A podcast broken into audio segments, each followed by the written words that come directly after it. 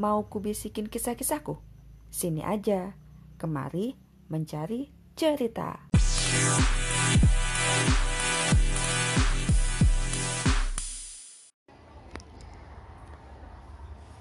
Kamu mungkin pernah tahu yang namanya saham, bukan mungkin pasti tahu yang namanya saham, investasi atau mungkin juga pernah tahu tentang reksadana.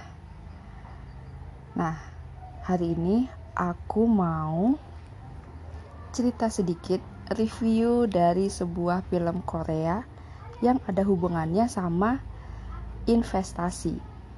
Judulnya adalah Itaewon Class.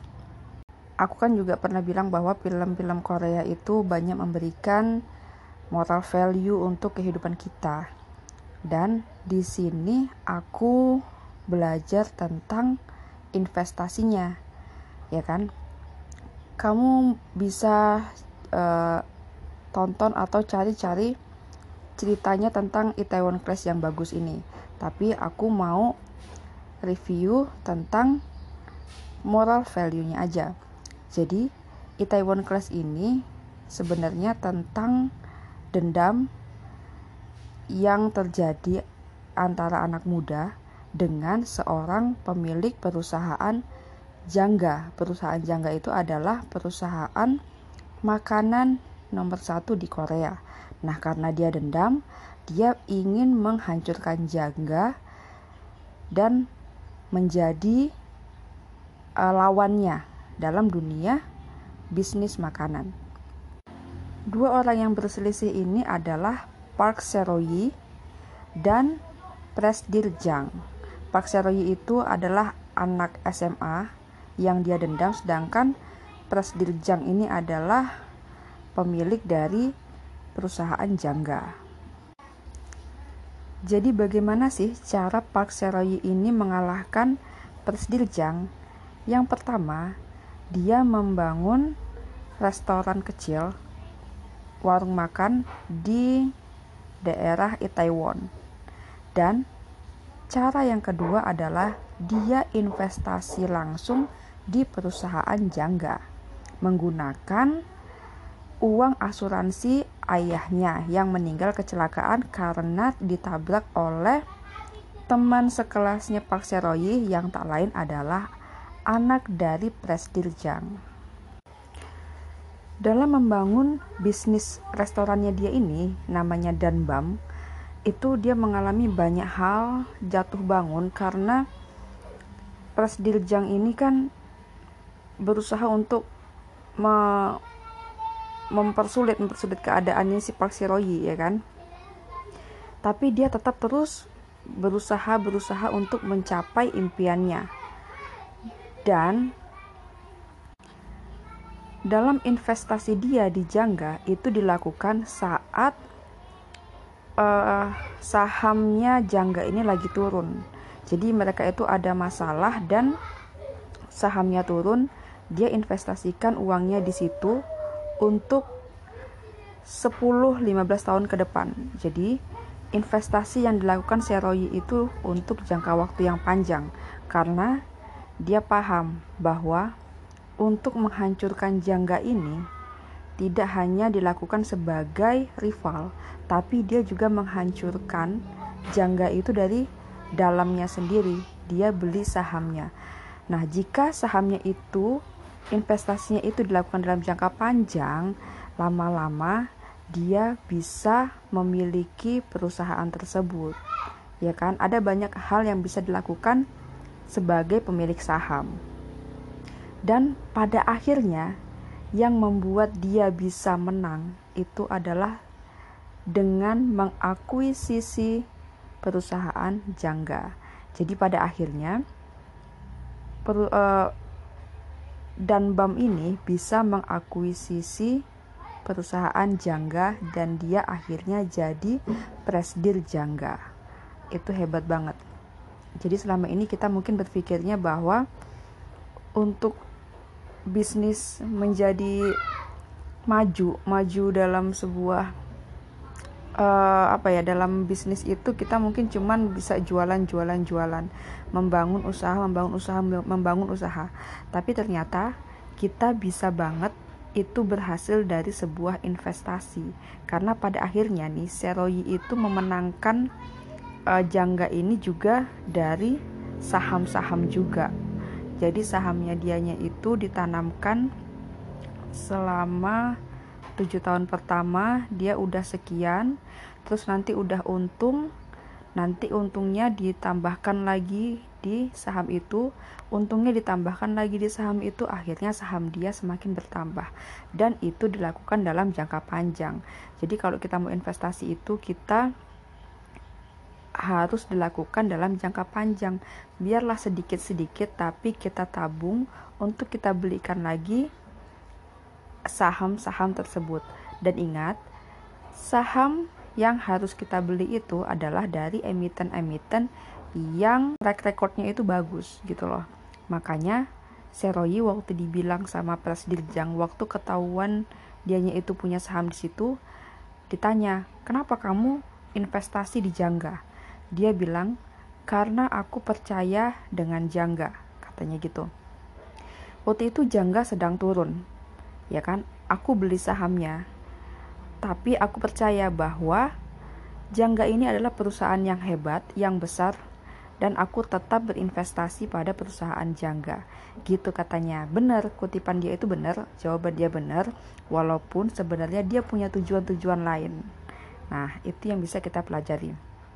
Selain dari yang aku bilang ini, ada catatan yang udah dibuat nih di internet. Aku sebenarnya juga udah lama pengen uh, review ini, tapi ternyata di internet aku ada baca tentang film Itaewon Class. Jadi aku bacakan aja yang udah dirangkum, oke? Okay?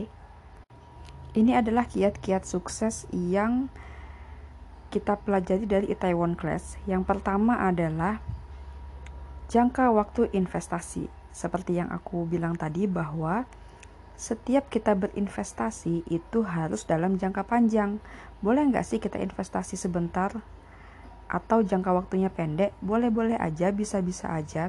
Tapi ketika kita investasi dalam jangka panjang, khususnya untuk saham, itu akan memberikan keuntungan yang lebih besar dan bisa berpuluh-puluh kali lipat dari modal yang kita keluarkan. Kapan saat yang tepat untuk kamu berinvestasi? Jawabannya adalah sekarang. Karena semakin cepat kamu berinvestasi, maka semakin panjang pula waktu kamu untuk berinvestasi. Tips yang kedua adalah pahami resiko investasi saham dengan resiko bisnis dalam artian membangun usaha kita sendiri.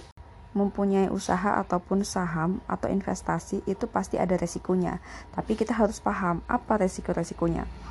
Dalam dunia saham, resikonya itu adalah naik turunnya harga saham yang tidak bisa diprediksi, ya kan?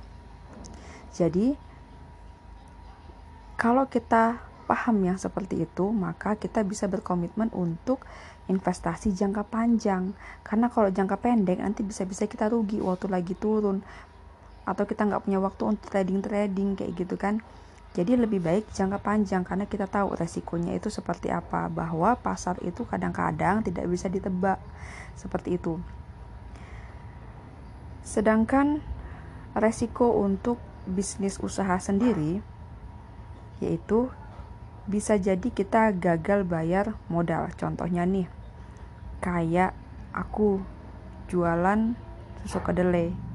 Nah, seandainya itu bisa jadi sebuah uh, penjualan yang besar, bisa jadi ketika aku sedang rugi, aku mungkin tidak bisa membayar uh, karyawan, tidak bisa lagi membayar tenaga tenaga-tenaga penjualan yang lain atau mungkin modal-modal utama itu juga akan berkurang seperti itu.